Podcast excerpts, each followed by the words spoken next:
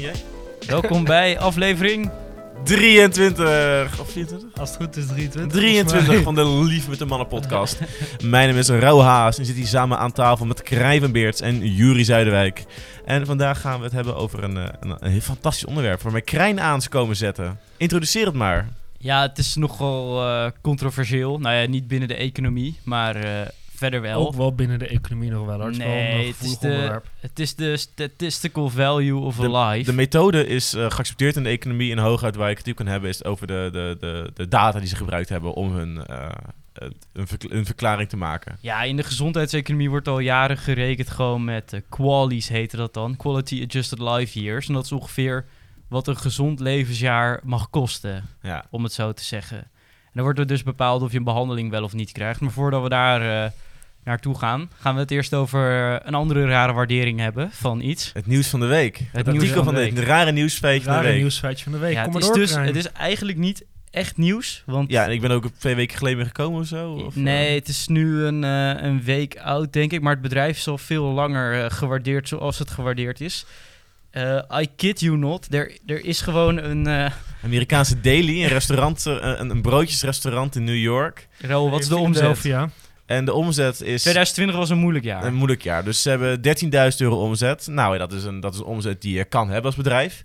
Eh, maar eigenlijk alles is normaal aan het bedrijf. Het is niet heel populair. Zijn relatief slecht blijkbaar. Wat wel bijzonder is, dat is dat de, de, de, de CEO, die ook eh rugbyleraar is in een lokale middelbare school... ehm, met, met, met, met, met het broodjesbedrijf. eh, CEO is van een, van een bedrijf met een marktwaarde van 100 miljoen dollar.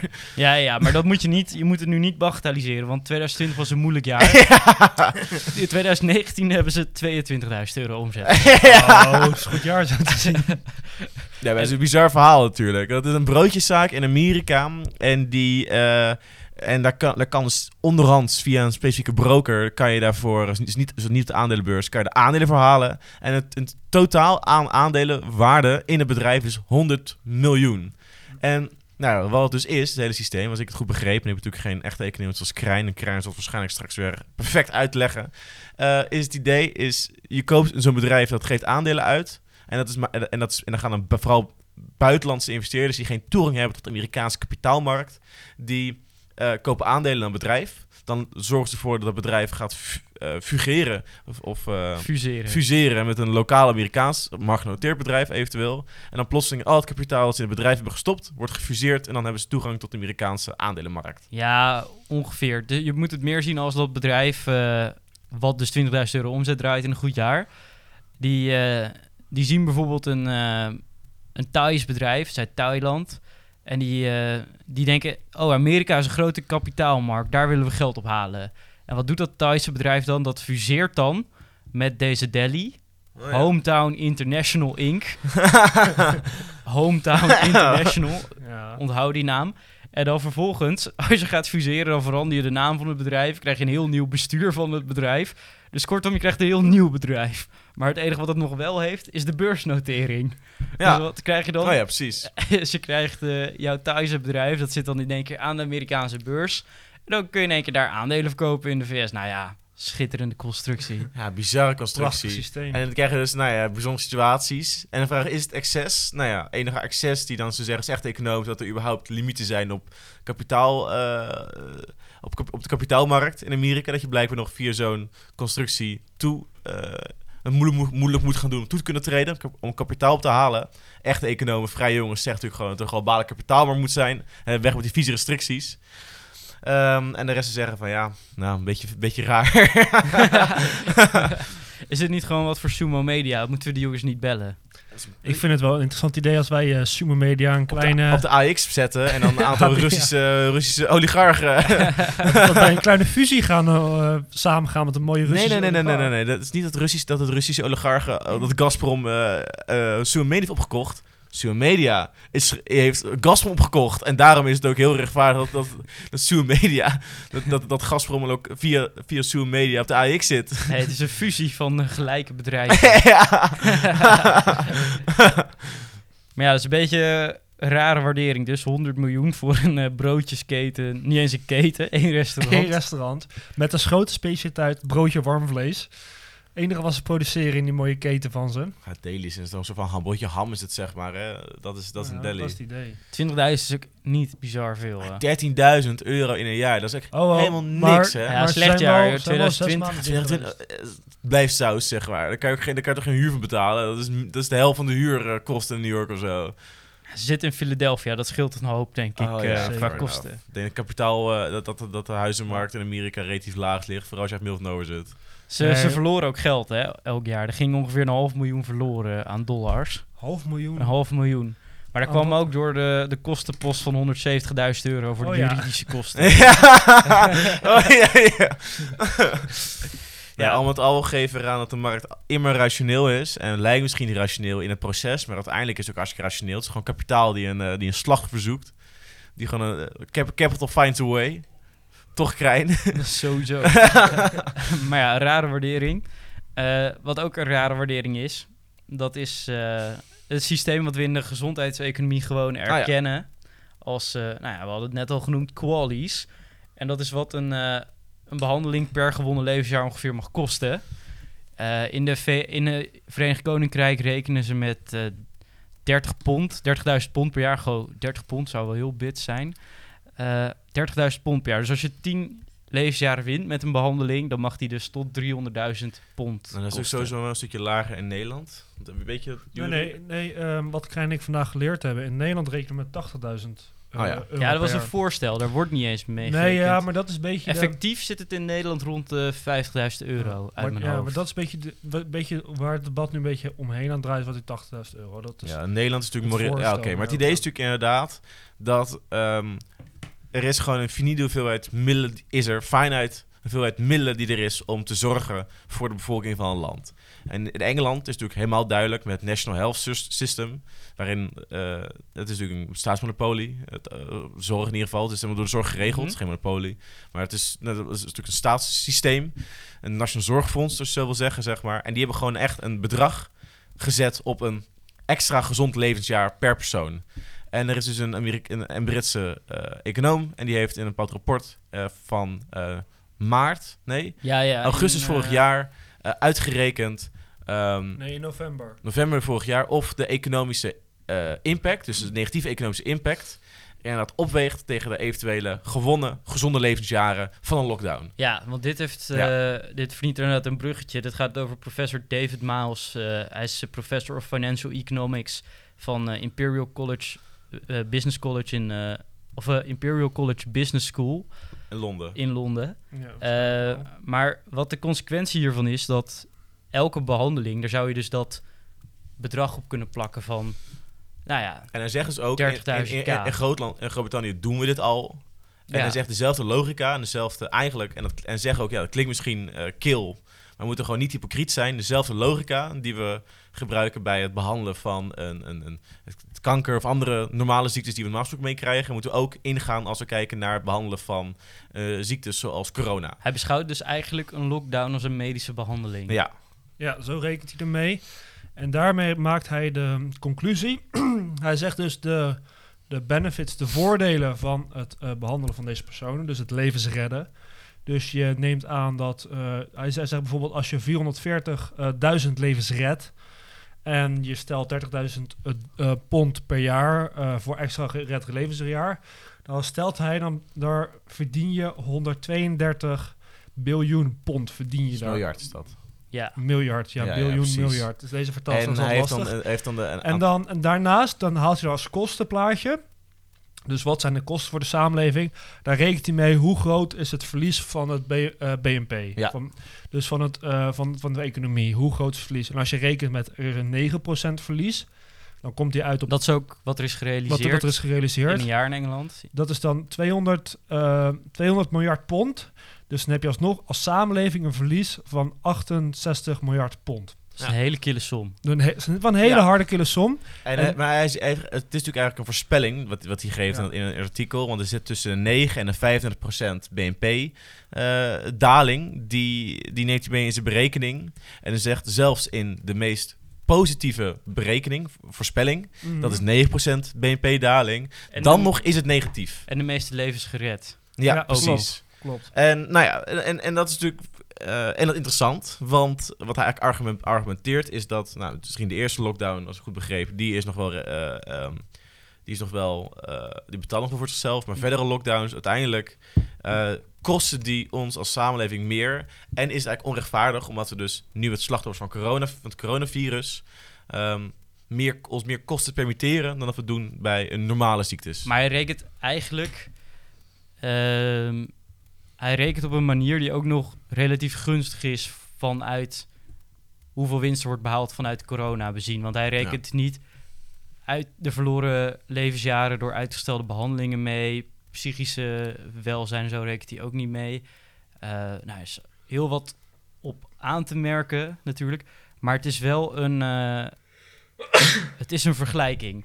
En het feit dat het een vergelijking is, zorgt er in ieder geval voor dat je een gevoel kan krijgen bij de cijfers die ergens onder liggen. Ja, nou, en, en, oké, en uiteindelijk is natuurlijk het argument. En wat, hoe krijg hoe zij het argument in twee zinnen eh, concluderen en ook zeg maar zijn, ehm, nou ja, als, het, wat, het- en zijn eh, advies voor eventuele toekomstige eh, golven of virussen.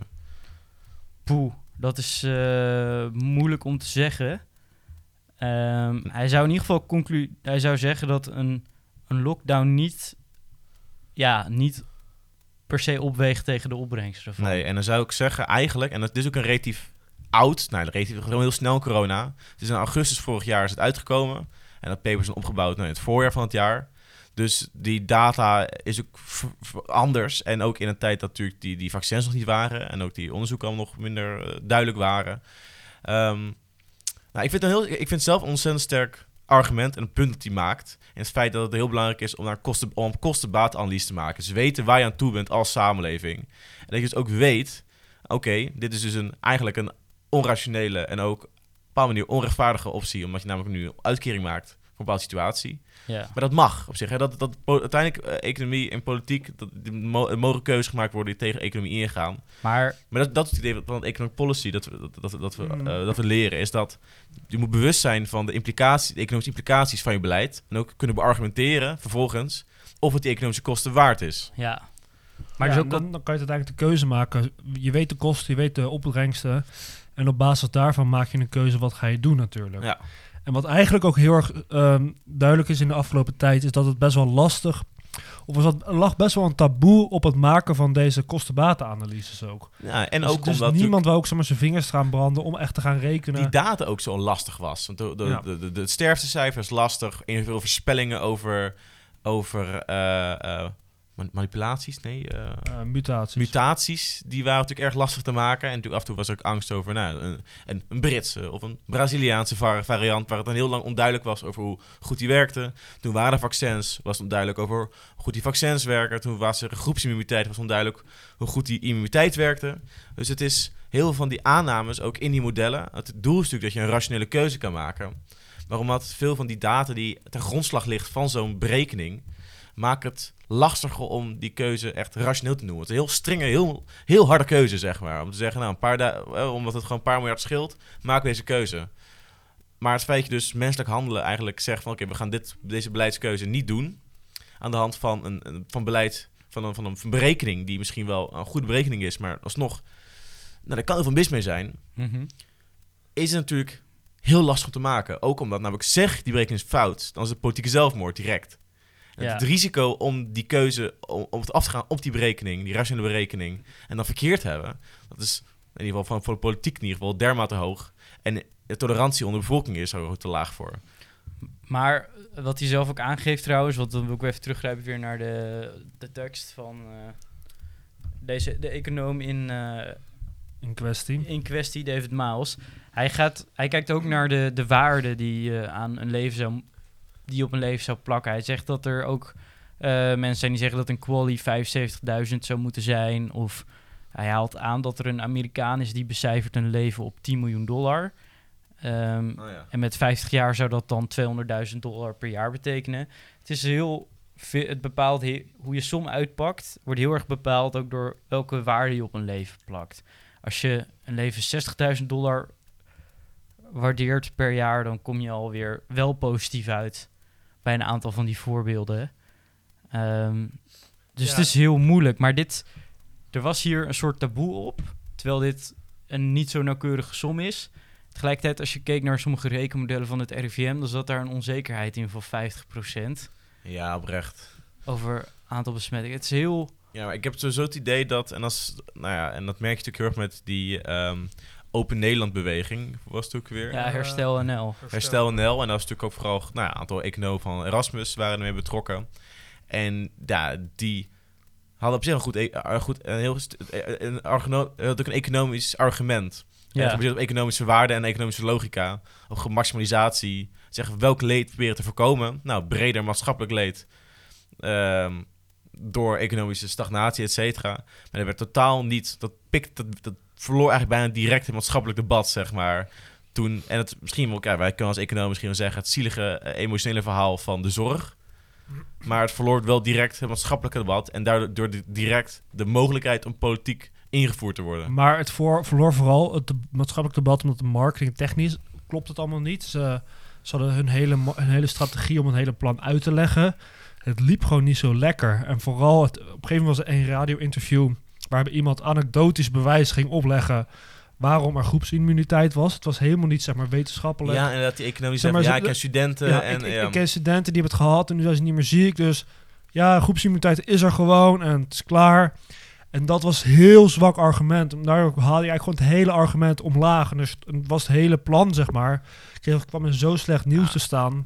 En toen maakte Arjen Lubach het ook nog een keer helemaal kapot. En toen was het gewoon over en uit Ja, voor maar het, het- is, dit, voor het hele het plan. zijn eigenlijk economen die proberen politiek te voeren. En dat is, Ja. gewoon flink Het- het mislukt. is vrij het argument gewoon sterk was. Ze hadden echt wel een sterk argument over... Ze hadden gewoon ingeschat dat het wel beter ontvangen zou worden, denk ik. Ja, mensen maar misschien zijn makkelijker ontvangen zou worden. Dat ze minder kritisch Nee. tegenover het plan zouden staan. misschien toch te overtuigd van hun mensbeeld, inherent en hun modellen. Dat het een inherent m, eh, rationeel persoon is die vooral zijn persoonlijke utiliteit probeert te maximaliseren. In de long run ook. Ja. Dus het zo zou redeneren. Terwijl uiteindelijk heel veel mensen die eh, redeneren emotioneel, die willen helemaal niet een oma verliezen. Die willen prima 20% van het BNP opofferen, zodat de oma nog vijf jaar langer blijft wonen.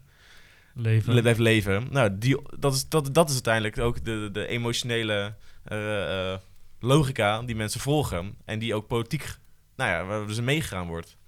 Ja, dat, dat was gewoon... Mensen wouden gewoon heel, heel erg ethisch waren ze aan het denken. Zo van, we kunnen niet met mensenlevens gaan spelen met als, als, als politieke keuzes. Dat vonden ze uiteindelijk is te het ook, lastig ja. om die Ja, knoop door te is- hakken ook weer. Op, in het begin Maar vooral. eh, dat is ethisch ook eigenlijk een non-discussie. ja, zeker. Want het is niet alsof er geen levens... Als er, ehm, zeg maar, als de werkloosheid 1% daalt, dan, dan verliest een maatschappij ook eh, Ja, quality adjusted life years. ja, maar ja, het is- en als je inkomen daalt, dan gaan je levensverwachting daalt ook omlaag. Want daar zijn er ook natuurlijk een correlatie tegen tussen je economische status en je gezondheidsstatus. Ja. Ja, maar- Dus zeg maar, het hele idee van je, eh, die harde lockdowns en dan ga je je baan verliezen en krijg je ook, krijg je ook misschien wel mentale klachten.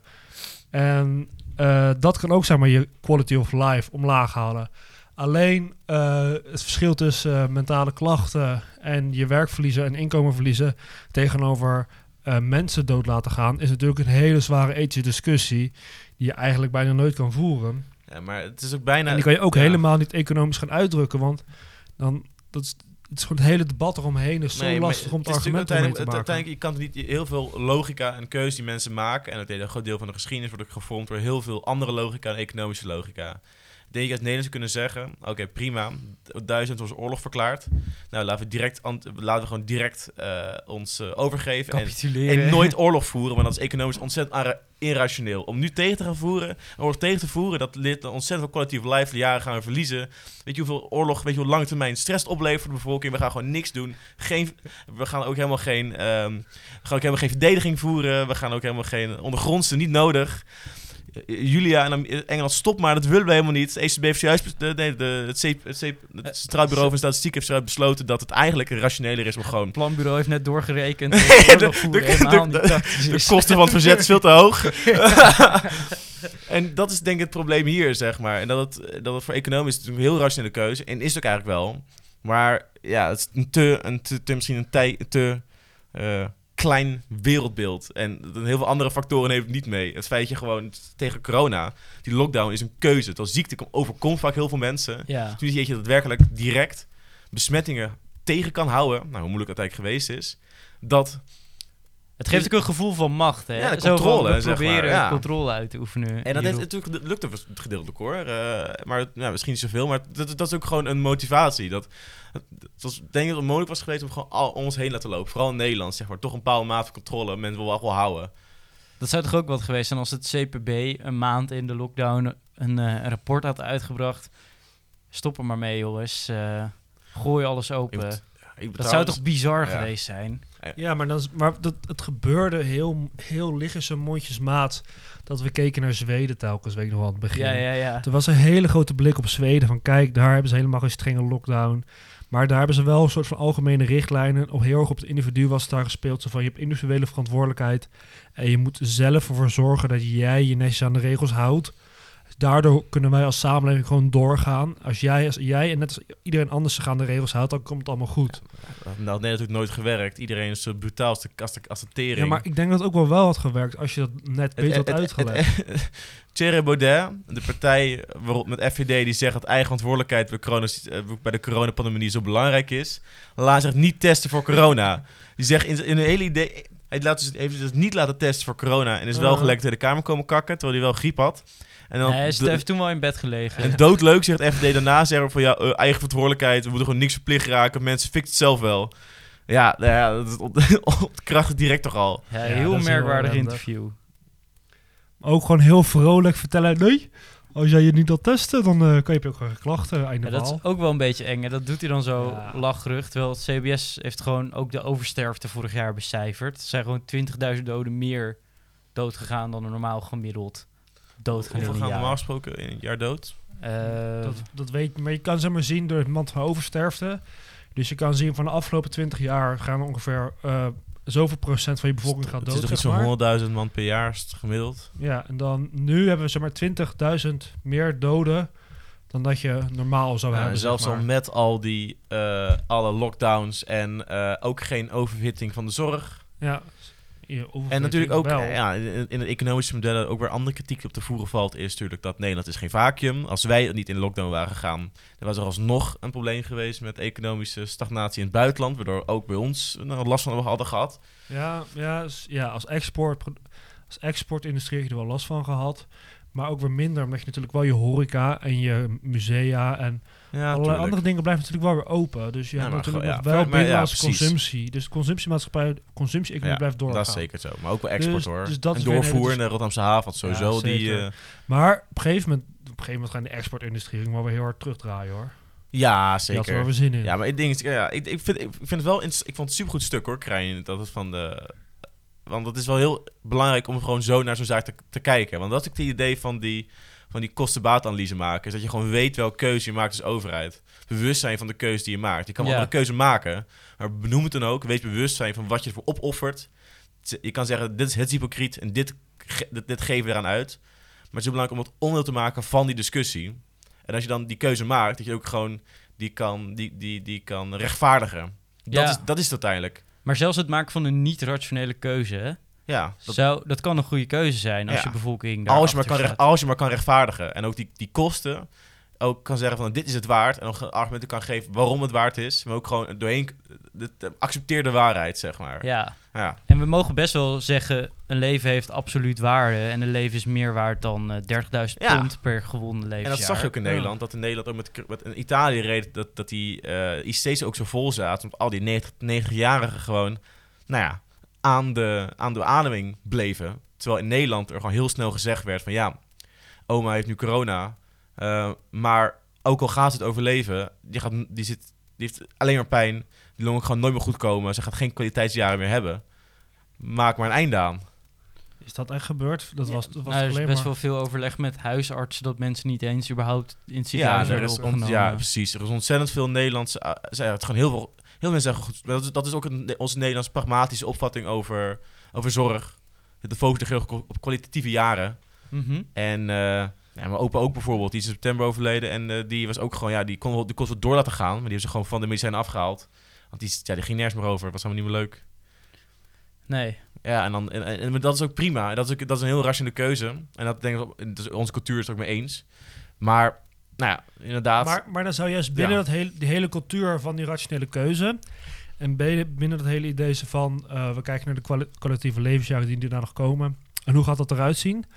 had je eigenlijk ook al eerder een CB, CPB-rapport verwacht... over de kostenbaatanalyse van eh, Nederlandse lockdowns. Ja. En dat hebben we eigenlijk nooit ontvangen. ja, Nou maar ja, het- dat is... Of, of, eh, of anders, die zijn ook nooit echt helemaal doorgevoerd... en daarna, is, zeg maar, eh, is daarna zijn er besluiten genomen over wat voor beleid te voeren. En heel veel praktisch beleid wordt al doorgevoerd. Zo van als het gaat om naar die kwaliteitslevens. En dan eh, le- ja, gewoon zorg niet geven om, om de kosten ook. En om kwaliteit van leven gewoon te behouden.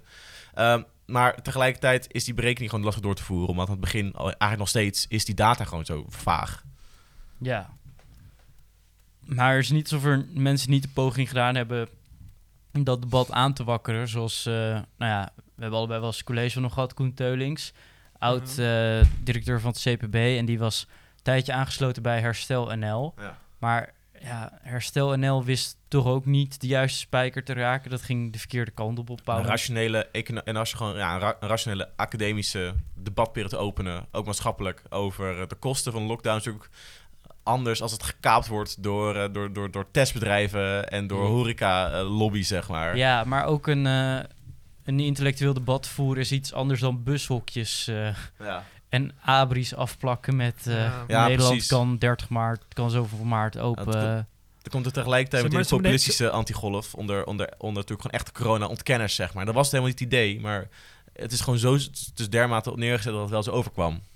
Ze hebben, ze hebben de hele marketingstrategie van het hele beleids... Het hele, hele plan van de economie, dat, dat sloot helemaal niet aan. Er Het was een hele verkeerde manier van het, debat, van het debat Ja, het- aan te wakkeren. het economische stuk was prima. Het, het stuk was prima, maar misschien hebben wij in Nederland ook wel moeite daarmee om het telkens echt over inhoud te hebben. Want je ziet het nu ook weer met deze, deze week in de Tweede Kamer. Het moet nu over een nieuwe be- be- eh, eh, bestuurscultuur gaan. Dat is ook helemaal geen on onzin debat. Het gaat ook helemaal nergens over.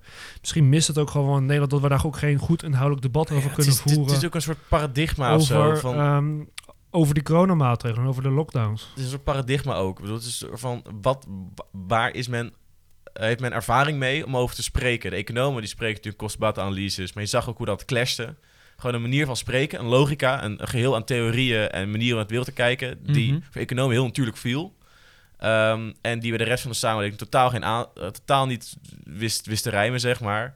En, nou ja, en dat, zie, je- dat, dat is toch overal het geweest. Ik kan wel zeggen, je wil een debat over iets hebben. Maar het is heel belangrijk met wat voor debat men kan hebben of weet te hebben. Met ervaring heeft, welke woorden gebruikt men. En wat voor expertise hebben mensen? De corona, eh, de, de, de corona eh, discussie is natuurlijk vooral gevoerd op een non-economische basis. Op basis van sterftecijfers eh, en eh, gewoon Ziekenhuis. slachtoffers. Ja. Ja, ziekenhuisbezetting. zie- ziekenhuisopnames en ergetallen, daar is de hele discussie Trouwens, al over gevoerd experts die totaal ander paradigma bij zich houden. De, de, de, de, de mensen in de zorg eh, en eh, de virologie.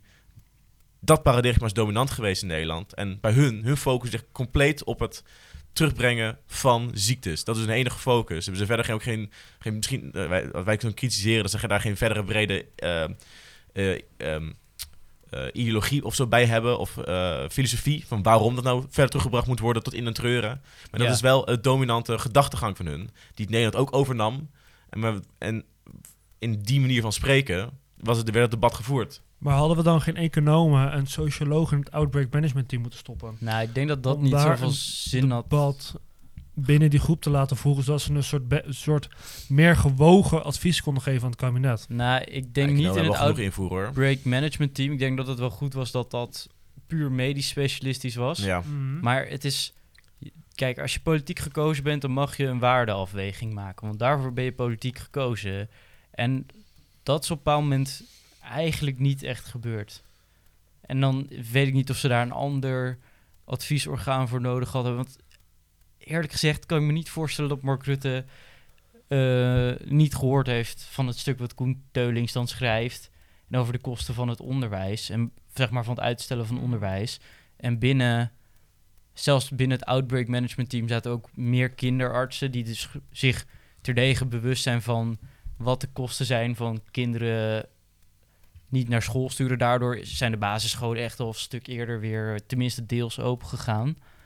Ehm, dus dat Ja, was ook niet echt langer dan Dus een half jaar, drie kwart jaar houdbaar. misschien valt ook wel te verklaren. Dat, dat ik denk dat zegt dit zou gebeuren, dus dit, deze uitbraak zou gebeurd zijn. De Nederlandse bestuurscultuur en politieke cultuur is ook echt veranderd na de toeslagaffaire. De overheid moet veel meer caring zijn voor de bevolking, socialer.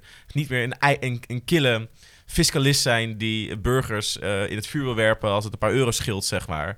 En denk dat zeg, het was de crisis van 2000, nou, 2008 geweest, met Dijsselbloem aan het roer. En we waren Griekenland aan het afpoeieren, zeg maar. En de riem moest allemaal strakker en moest bezuinigd worden. En de bevolking ging er ook in mee. Dan had er inderdaad een, had, er, had het argument, had, had men het argument beter kunnen maken dat een lockdown, dat we mensen eh, echt, dat we gewoon ouderen gingen opofferen, die gingen gewoon sterven, om een rationele keuze te maken. We gaan niet in lockdown om de economie in stand te houden. Maar die cultuur is omgeslagen, alleen een partij van hoogconjunctuur. En dat men dan gewend. De hele belofte is, nou, we moeten weer mee kunnen. Het mag allemaal weer, het moet allemaal weer, we worden weer uitgegeven. De overheid was allemaal te streng geweest door de toeslagaffaire. Dus nu was er ook eigenlijk gewoon helemaal geen plaats in de, in de politiek om streng te kunnen zijn. Ja, maar dit, dit, Dit- Komt niet, dit komt niet per se alleen door de toeslagenaffaire. Nee, komt ook dat- omdat economen het hele bezuinigingsbeleid afgekraakt hebben van de afgelopen tien jaar die we gevoerd hebben nee, binnen maar als Europa. zin van dat. dat die, Dus die- ja, die- er is natuurlijk die- wel een, een veranderde gang binnen, de, binnen het idee over wat, wat een overheid moet doen en wat een sterke nieuwe, overheid nieuwe moet doen. bestuurstraditie, zeg maar, nieuwe bestuursvorm, die manier, in die trant. Ja maar, ja, maar dit is nog te kortzichtig om stellen dat we echt over zijn gegaan op een nieuwe bestuurscultuur. Maar ik bedoel, nee, ik bedoel zeg maar, dat, dat die call voor een, voor een meer zorg, die oproep Ja, voor meer ja, zorg dat de wel. overheid, dat zeg maar, misschien, dat is tien jaar geleden, of ja, iets meer tien ja, jaar geleden, Dan niet. wat, maar- wat was het economische argument, was, had, had een betere kans van slagen gehad. Ja, zeker. En ook het hele idee van we moeten de staatsschuld niet laten oplopen. Wat natuurlijk nu wel heel gigantisch hard gebeurt. Zo, Dat ja. had juist tien jaar geleden nooit plaats kunnen vinden. Omdat toen heel erg het idee was, als overheid mag je geen schulden hebben. En alle schuld die je hebt is slecht. Het is eigenlijk bizar. Als je Terwijl Maar, eh, Ja. En terwijl Dat nu is is wel een hele grote om, om, om, ehm, maar er was ook een heel omwenteling geweest. andere discussie toen. Want toen was er ook eh, sprake... Er was geen sprake van vertrouwen tussen lidstaten van de euro. Ja. Ja, klopt. Er wa- er waren veel meer problemen ook toen. Maar Nederland, eh, ook de Nederlandse, het Nederlandse, eh, Nederlandse bevolking, Nederlandse stemmers, eh, die hadden ook echt het idee van een, een, een, een zuinige staat en een, een, een, een persoonlijke, nou ja, fiscale ehm, discipline. Het echt geïnternaliseerd, zeg maar. Ja, dat, en dat is ik- bizar hoor. Maar het is bizar hoe, zeg maar, hoe, hoe, dit, hoe de overheid aan de bevolking wist te verkopen. Achteraf gezien, zeg maar. En hoe men, hoe, hoe men het ook echt gewoon compleet accepteerde. Dat moesten we anders. Maar je Ja, kan maar niet zeggen als... heel erg het, het heel erg paradigma van de economen toen, of het overheersende paradigma, over het idee van als overheid schulden, die zijn eigenlijk hartstikke slecht en je moest echt van je schulden afkomen. Ja. En zeg maar meer schulden maken kwam, dat was heel, heel onnatuurlijk was dat. Iedereen, iedereen was er heel erg op tegen. Ja, maar dat is Van links tot rechts waren ze daarop tegen. En dat is wel aan het verschuiven door middel van andere economen die in de laatste vijf Ja. jaar allemaal analyses hebben gedaan en gezegd van als we nou wel geïnvesteerd hadden in plaats van bezuinigd, hadden we beter uit deze crisis gekomen. Maar het is ook... eh, en dat is dat hele shit van het paradigma wat binnen de economie over staatsschuld wel echt veranderd is. Het gaat wel echt te ver om te zeggen dat mensen stemmen op basis van hun overtuiging Nee, over monetair beleid. nee, tuurlijk, dat, tuurlijk. nee, maar er was wel... Nee, maar, Er was nee, ontzettend maar- steun ook vanuit, vanuit de bevolking. Maar, maar het is meer het idee van binnen de, binnen de ambtenaren en binnen de politici is zeg maar ook het hele idee over staatsschuld wel veranderd. Ja. En hoe wij tien jaar geleden echt dachten van we moeten, de, we moeten het huishoudboekje strak hebben en we moeten Griekenland keihard aanpakken. De Italianen mogen geen euro meer lenen. Zijn we nu al veranderd. Zeggen van oké, we moeten nu samen een Europees de- fonds oprichten om de zuidelijke te landen ook Ik denk dat de nadagen van de economische crisis, van de fiscale crisis en de hypotheekcrisis, eh, wel het hoogtepunt achteraf, als we nu historisch gaan kijken, van het neoliberalisme zijn geweest. Ook echt dermate dat ook alle politieke partijen voor waren en dat er ook gewoon volop gestemd werd, zeg maar, op die partijen. Maar ja, Ja. dat is een andere discussie, zeg maar. Ik denk niet dat het voorbij is, want er is niks hervormd eigenlijk. Nee, nee, Nee, nee, is maar het is, een- het, is een het is een paradigma, een manier van denken, posi- de, de, de, de, ehm, de ehm, populariteit van specifieke ideeën in de politiek, maar ook in de wetenschap en ook onder het eh, eh, Nou, ik, ik, electoraat. Ik betwijfel nog hoor. Ik denk Maar- nog meer tijd nodig heeft. Ik denk, dat, ik denk dat destijds een piek bereikt heeft. Nu we niet vanaf Ja, hoor, nee, maar zijn- we zijn nu wel langzaam weer een andere kant op aan het schuiven. Maar weet je Als wat je op het, die eh, bedoelt, snap ik het wel. het leuke is eigenlijk, jongens? eh, ze noemen economen... dit noemen ze, ja, als econoom ben je altijd een beetje Captain Hindsight. De enige mensen die hun baan niet verliezen wanneer ze verkeerde voorspelling maken, dat zijn weermannen en economen. ja. En als econoom moet je ook een beetje zelfspot hebben. En ik, we hebben, denk ik, geprobeerd te laten zien dat een kostenbatenanalyse een leuk plaatje geeft over wat kan het zijn. Maar het is geen, het is geen, eh, het is niet absoluut. Het heeft geen voorspellende waarde. Nee, het is, het, Zeker waar. het is een heel mooi middel en een heel goede spiegel die je voorhoudt aan een, aan een regering. Maar het is ook belangrijk om als econoom bewust te zijn van de, van de, limi- van de, van de limieten van jouw, met, van jouw methodes. En ook bewust te zijn van dat het een, niet een sluitend argument is, zeg maar. Ja. Voor, politieke, voor een politieke koersverandering of Ja, zo. dus de economen komen over een jaar of vijf wel met een, eh, een sluitend argument. En dan komen de historici 15 jaar later eroverheen met een sluitend argument. eh, Zo, denk ja, ik. precies. Die gaan, die gaan proberen een, aan tijdsduiding te doen. ja. En dan over een jaar of twintig schrijven we Oer daar weer een mooi stuk over. En dan eh, mag het Nou, publiceren. of twintig zitten we hier nog steeds, hoor. Dan, En dan kunnen we het nog terugluisteren. Dan kunnen we het nog terugluisteren. Ja. Dat hebben we toen al gezegd.